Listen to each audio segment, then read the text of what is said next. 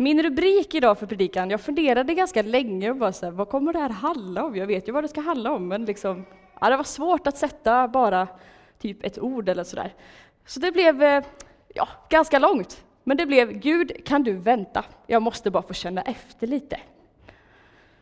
Så det ska jag prata om idag. Jag kommer börja i någonstans eh, hyllning över känslor, berätta lite om eh, ja, men våra mänskliga känslor, varför har vi dem, vad är de till för, lite sådär. Men sen så kommer jag också att eh, ja, trycka ner känslorna lite, kan man säga. Jag som person är inte jättemycket av en känslomänniska, så därför kanske det är lite mer naturligt för mig att göra det. Eh, men jag hoppas att du inte ska trilla upp. Men att liksom trycka bort dem lite till förmån för någonting annat. Och då är det precis det som, som Kiki och Rakel sjöng här, för att vi istället kan få välja Jesus och att Jesus väljer oss. Yes, innan jag fortsätter så vill jag eh, be en bön, så får jag gärna med och göra det tillsammans med mig. Herre, tack att du är här just nu. Gud, tack att vi får, att vi får välja dig och tack att du alltid, alltid väljer oss, Herre. Och Gud, tack att du har skapat oss så underbart skapta, Herre. Med så mycket gåvor, med så mycket känslor och allt det fantastiska som du har lagt i oss, Herre. Gud, jag ber att det här ska få bli en stund då vi får, då vi får möta dig, då vi får än en gång liksom ta, ta beslut av att följa dig, Herre, där vi får komma närmare dig. Herre, vi är här. Kom och möt med oss den här stunden. Amen. Amen. Yes, jag ska börja i som sagt känslor. Det finns ju som väldigt mycket annat, mycket forskning om detta. Jag har inte läst på jättemycket, men lite snabba googlingar. Och då finns det ju mycket om just det här med känslor och det finns lite olika grundkänslor. Lite olika många beroende på vem du läser liksom, som har skrivit. Jag hittade en med fem varianter som jag tänkte prata om och då, lovsångsteamet var ju fem personer så jag tänkte att ni ska få hjälpa mig. Ni kan komma och ställa er här på en liten rad. Så har jag förberett så fint här såklart.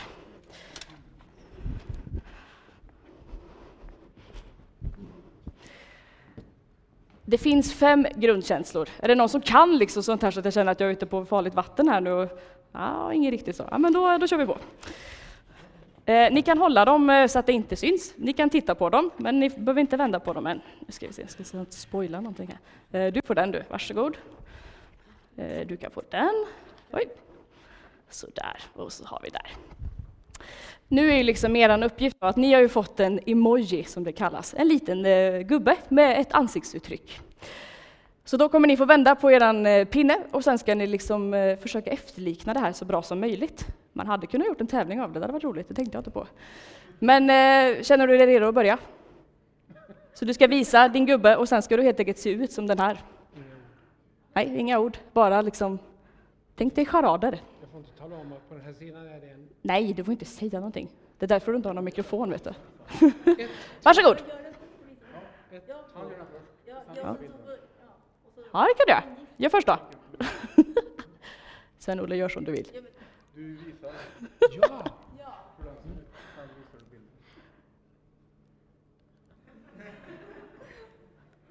Och så får du vända på din pinne. Ganska likt ändå. Ganska likt. Här har vi då rädsla. Det är liksom en av grundkänslorna. Vi går vidare. Varsågod eh, nästa. Ge oss det bästa du har nu.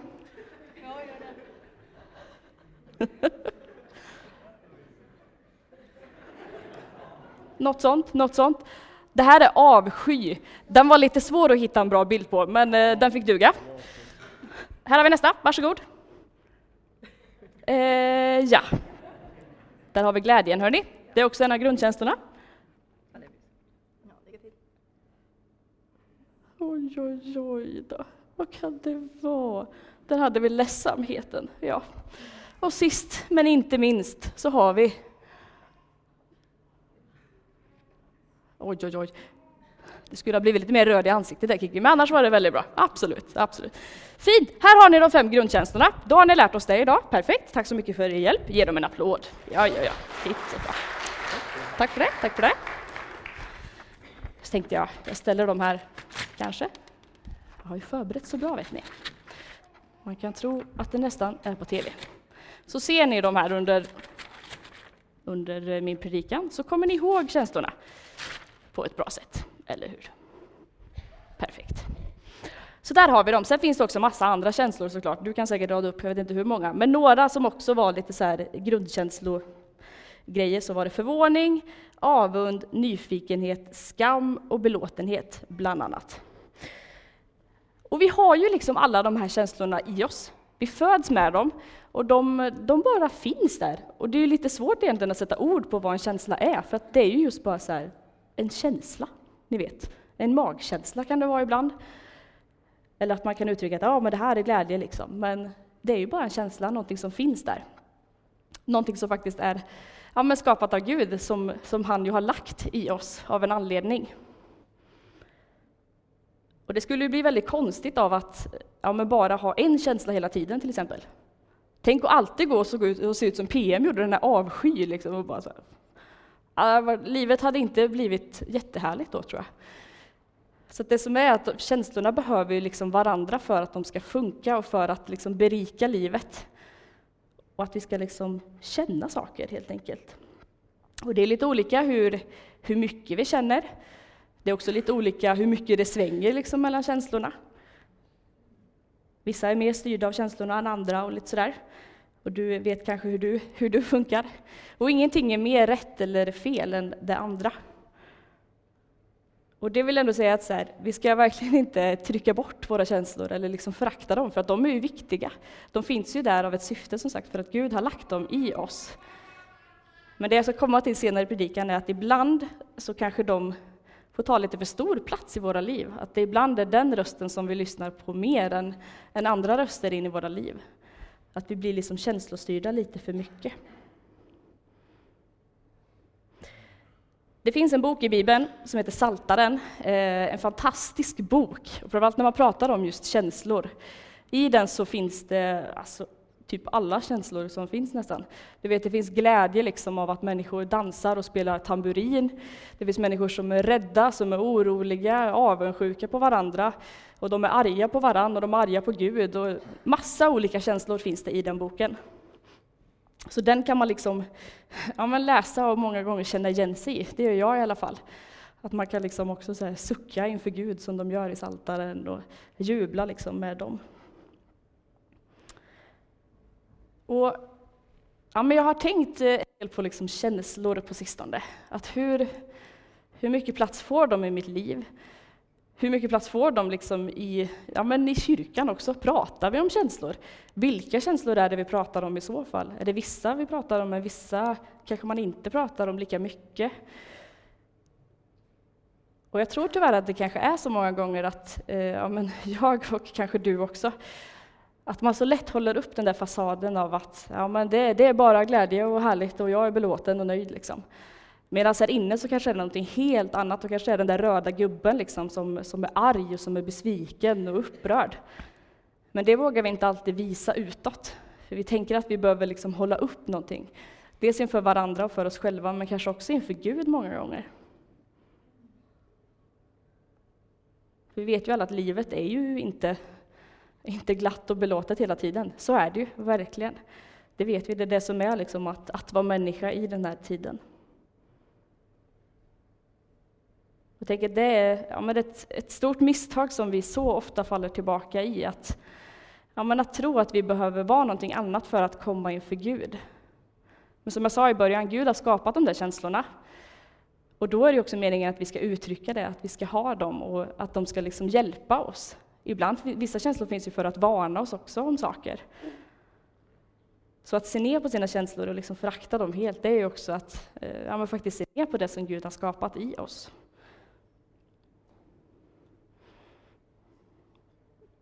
Yes.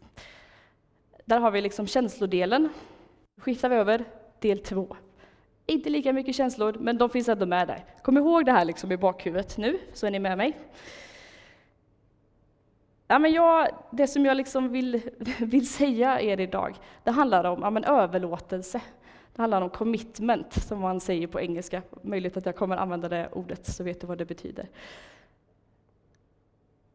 Att vara överlåten, Fundera på vad det betyder för dig en liten eh, sekund. Vi har ju alla de här känslorna inom oss som hela tiden eh, verkar på olika sätt. Och vi blir ju också idag, i dagens samhälle som vi lever, så blir vi väldigt uppmanade av att känna efter mycket. Jag vet inte om ni har tänkt på det. Men det är väldigt mycket så här, ja men känn, vad vill du? Känns det bra för dig? Hur känner du dig idag? Kommer det kännas bra idag? Eller sådär. Att det, det är liksom inte det här långsiktiga på något sätt, att ja men nu, det känns bra, jag bestämmer det och så kör vi på det. Utan det är mer så här, ja, men då bestämmer man en sak, sen kan man känna efter dagen efter igen, se om man ska ta något annat beslut eller sådär. Det är väldigt mycket sånt som vi blir matade med idag. Eh, och ibland så tänker jag att vi, eh, ja men jag i alla fall, att vi gör samma sak i vår relation till Gud. Att den blir någonting som ja, men vi känner efter. Att, ja, men hur känns det idag? Liksom? Känns det som en, en bra dag med Gud eller känns det dåligt? Eller vad känner jag liksom inför, min, inför min tro? Och att vi tror att vi även där behöver hålla upp den där fasaden. Att vi behöver hålla upp den där glädjen. Och det är så många gånger som, ja men framförallt liksom på söndagar till exempel, så har man ju, ja men ibland man känner efter, ni vet. Att, ja men ska jag åka på gudstjänst idag? Hur känns det liksom? Och vissa gånger så, eh, så har man ju inte åkt för att det inte känns så. Eh, och det är självklart att man ska lyssna på sig själv, det är inte det jag säger, för det är viktigt att ja, ta hand om sig själv. Men jag har också märkt i mitt eget liv att ja, men om jag liksom har bestämt mig för att nej, visst, jag känner inte för att åka till kyrkan, men jag gör det i alla fall. Och på något sätt bestämmer mig och bara kör på det, liksom. då händer det någonting med mig. Det är då som liksom Gud på något sätt eh, ja, men faktiskt talar till mig oftast att, eh, ja, men att jag kan använda det även om du inte känner för att vara här, eller även om du inte kände för att åka till kyrkan idag, så vill jag använda det i alla fall. Och jag är nära dig oavsett hur, hur du känner eller inte.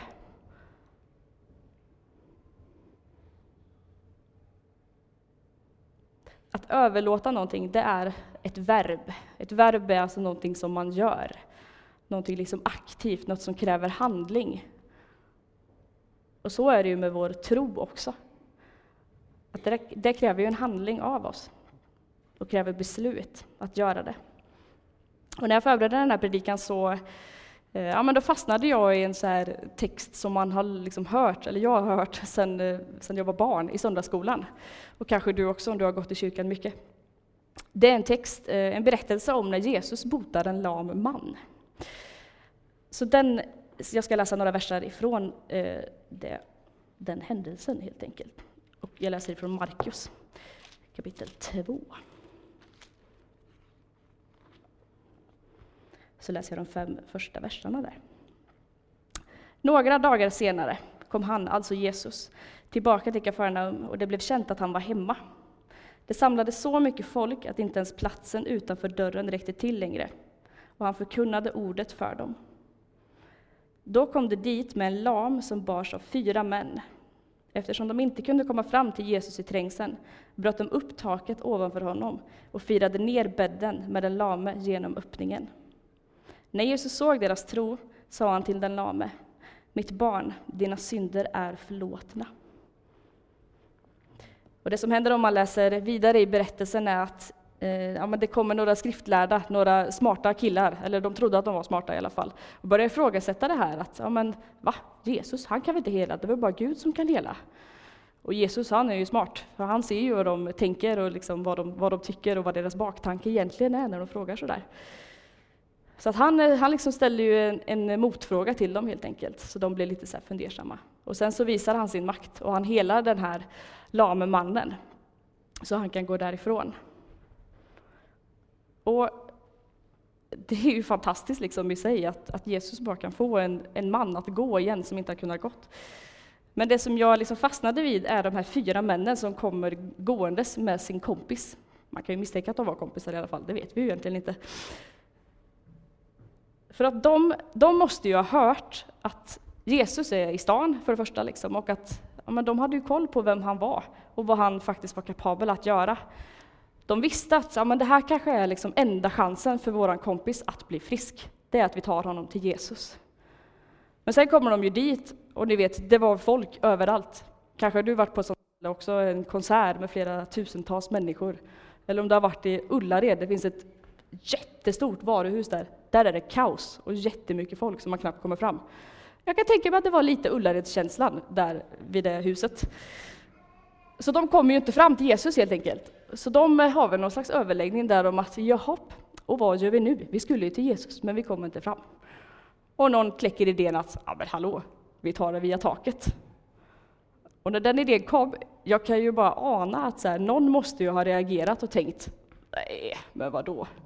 Det kan vi inte göra. Och bara känt sig allmänt eh, löjlig och, ja men ni vet så här, att det var pinsamt framförallt. Det tror jag de kände att, nej så kan man inte göra, vi kan ju inte göra hål i taket här, det funkar inte. Och så tror jag att de kanske allihop kände, men det som är så häftigt med dem är att de gör det i alla fall. För att de var så övertygade om att ja, men vi måste, vi måste få, få ner honom till Jesus på något sätt. Liksom. Vi gör det även om det känns obekvämt för oss. Det spelar ingen roll, liksom. vi gör det i alla fall. För de visste, de var övertygade om att Jesus var det bästa som, som kunde hända för deras lame vän. Och så blev det också. Att de här männen, de visade liksom sin, sin vilja, sin övertygelse. Och Jesus gör undret och den här mannen kan gå igen. Jag tänker också på ja, det som är det mest centrala i den kristna tron, när Jesus dör på korset. Jesus var ju 100% människa, men ändå 100% Gud. Det kan vara lite trixigt att få ihop det där ibland. Men så han var ju liksom människa.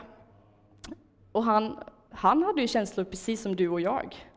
Alla de här känslorna som vi känner, det har ju liksom han upplevt också under sin tid här på jorden. Och han visste ju liksom från början att ja, men vad det var hans liv gick ut på. Han visste att han skulle bli tillfångatagen, att han skulle bli hånad, att han skulle bli dödad och att han sen skulle uppstå. Det visste han liksom redan från början. Och det står, ja, men när Jesus hänger på korset inför att han ska dö, så säger Jesus, min Gud, min Gud, varför har du övergivit mig? Han hänger där på korset. Han vet vad det är som ska hända, han vet varför han måste göra det han gör. Men ändå så uttrycker han liksom en känsla av att han är övergiven. Och var antagligen ganska rädd också, kan jag tänka mig. Men han lyssnar liksom inte främst till den rösten. Utan han lyssnar istället till, ja, men till Guds röst. Gud som hade liksom den här planen klar. Hans räddningsplan för att du och jag ska få gå fria idag och förlåtna för våra synder.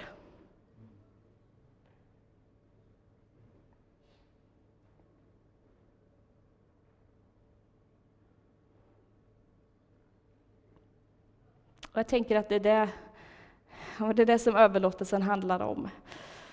Att vi behöver ta ett beslut, du behöver ta ett beslut i ditt liv. Någonting som du ja, men håller fast vid. Och du är alltid inbjuden av Gud att ta det beslutet, att välja honom. Han vet ju hur vi funkar, så han vet ju också att vi kommer liksom glömma, glömma bort det där ibland, eller komma liksom på villovägar. Det, det vet ju han redan, han har ju koll på det. Så därför får vi komma till honom gång på gång. Så får vi komma tillbaka till honom och säga vårt ja igen.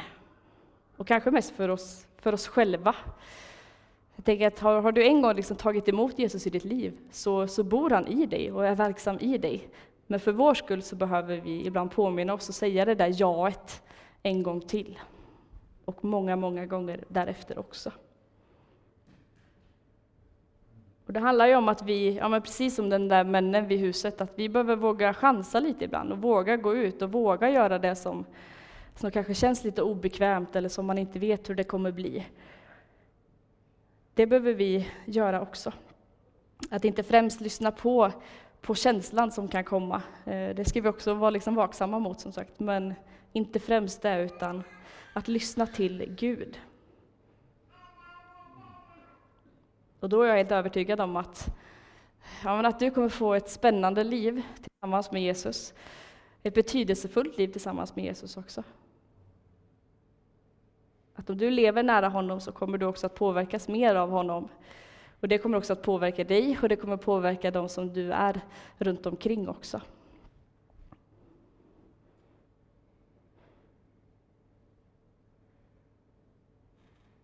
Jag tänker också att commitment, alltså överlåtelse, att det handlar också om, ja men faktiskt om den här boken.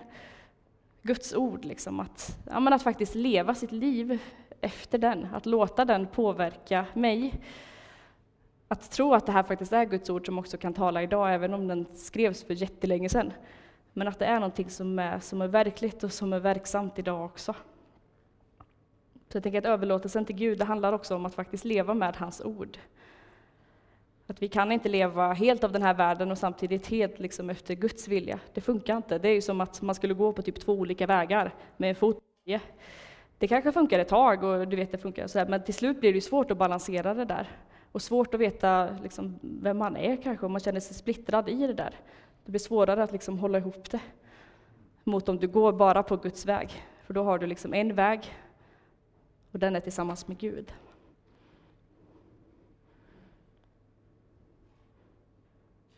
Och jag vill också nämna någonting om, ja, men om dopet.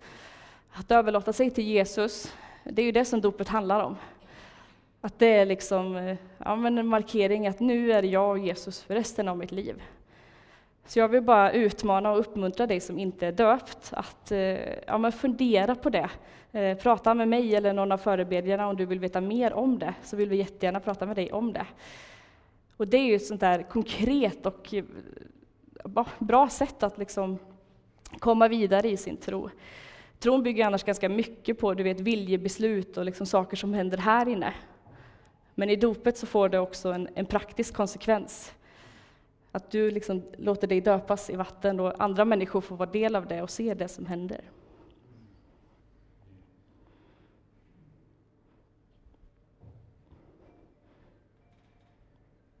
Och jag vill läsa några bibelord, jag ska snart avsluta, som, ja men ni minns de här, liksom grund, de här känslorna som vi pratade om i början.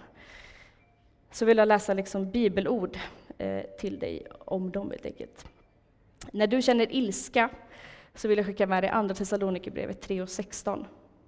Må han som är fridens Herre skänka er sin frid, alltid och på alla sätt. Herren är med er alla. När du känner dig ledsen så kan du läsa psalm 94 och vers 19.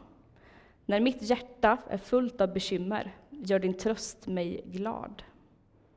Och när du är glad kan man läsa psalm 33. Jubla över Herren, ni rättfärdiga. Det redbara ska sjunga hans lov. Tacka Herren till lyrans klang, spela på tiosträngad harpa. Sjung till hans ära, sjung en ny sång, jubla till strängarnas välljud. Herrens ord är att lita på, han handlar alltid trofast. Rätt och rättfärdighet älskar han, Herrens kärlek fyller hela jorden. Genom Herrens ord blev himlen till och rymdens här på hans befallning. Som i en ängel samlade han havet och lade djupets vatten i ett säkert förvar. Må hela jorden bäva inför Herren, alla som bor där frukta honom. Han talade och allt blev till. Han befallde och det skedde. När du känner rädsla i ditt liv så läser jag ifrån Johannes 14 och vers 27. Frid lämnar jag kvar åt er. Min frid ger jag er. Jag ger er inte det som världen ger. Känn ingen oro och tappa inte modet. Och när du känner avsky så läser jag från Romarbrevet 12 och vers 2. Anpassa er inte efter denna världen, utan låt er förvandlas genom förnyelsen av era tankar, så att ni kan avgöra vad som är Guds vilja, det som är gott, behagar honom och är fullkomligt. Oavsett vilka känslor du har och vilka perioder du går igenom i livet så står Guds löften fast. Vi läste flera bibelord om frid. Han vill ge dig frid i den situationen som du är i, oavsett hur det känns. Även om vi kan liksom pendla i känslor och, och perioder så står han fast. Han är grunden som vi får bygga våra liv på.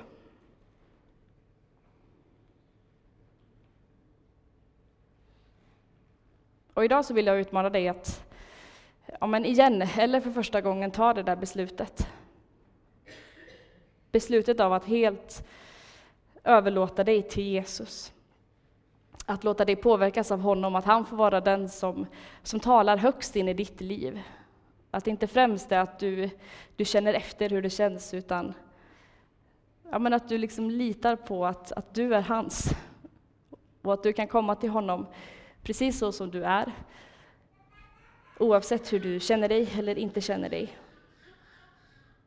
Och ibland så väntar vi på att, att liksom känslorna ska komma ikapp oss eh, inför att vi ska ja, ta ett beslut eller möta Gud. Liksom. Men det behöver du inte göra. Du behöver liksom inte vänta för att komma till Gud.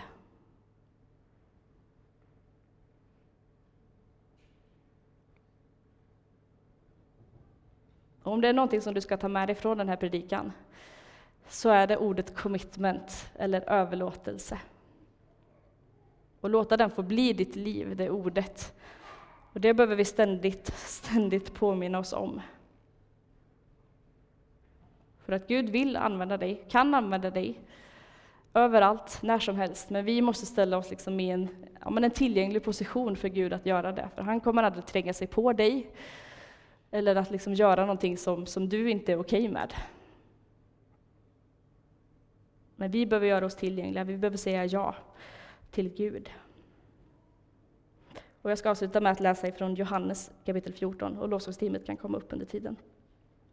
Johannes 14 och från vers 1. Fantastiska versar. Så står det Känn ingen oro. Tro på Gud och tro på mig. I min faders hus finns många rum. Skulle jag annars säga att jag går bort för att bereda plats åt er? Och om jag nu går bort och bereder plats för er, så ska jag komma tillbaka och hämta er till mig, för att också ni ska vara där jag är. Och vägen dit jag går, den känner ni. Och Thomas sa, Herre, vi vet inte vart du går. Hur ska vi då kunna känna vägen? Jesus svarade, Jag är vägen, sanningen och livet. Ingen kommer till Fadern utom genom mig. Herre, tack att du är vägen, att du är sanningen och du är livet. Tack Jesus att vi idag kan få igen, eller för första gången, säga vårt ja till dig. Komma närmare dig. Låt oss påverkas av dig igen, Herre. Jesus, tack att din famn är alltid öppen för oss, även om vi inte har eh, känslorna på plats eller vad det än är, Herre. Men tack att vi får komma till dig ändå, Herre, precis så som vi är. Herre, låt oss få ja, men ta det där beslutet idag som du manar oss till att göra. Låt oss få höra din röst, Herre. Amen.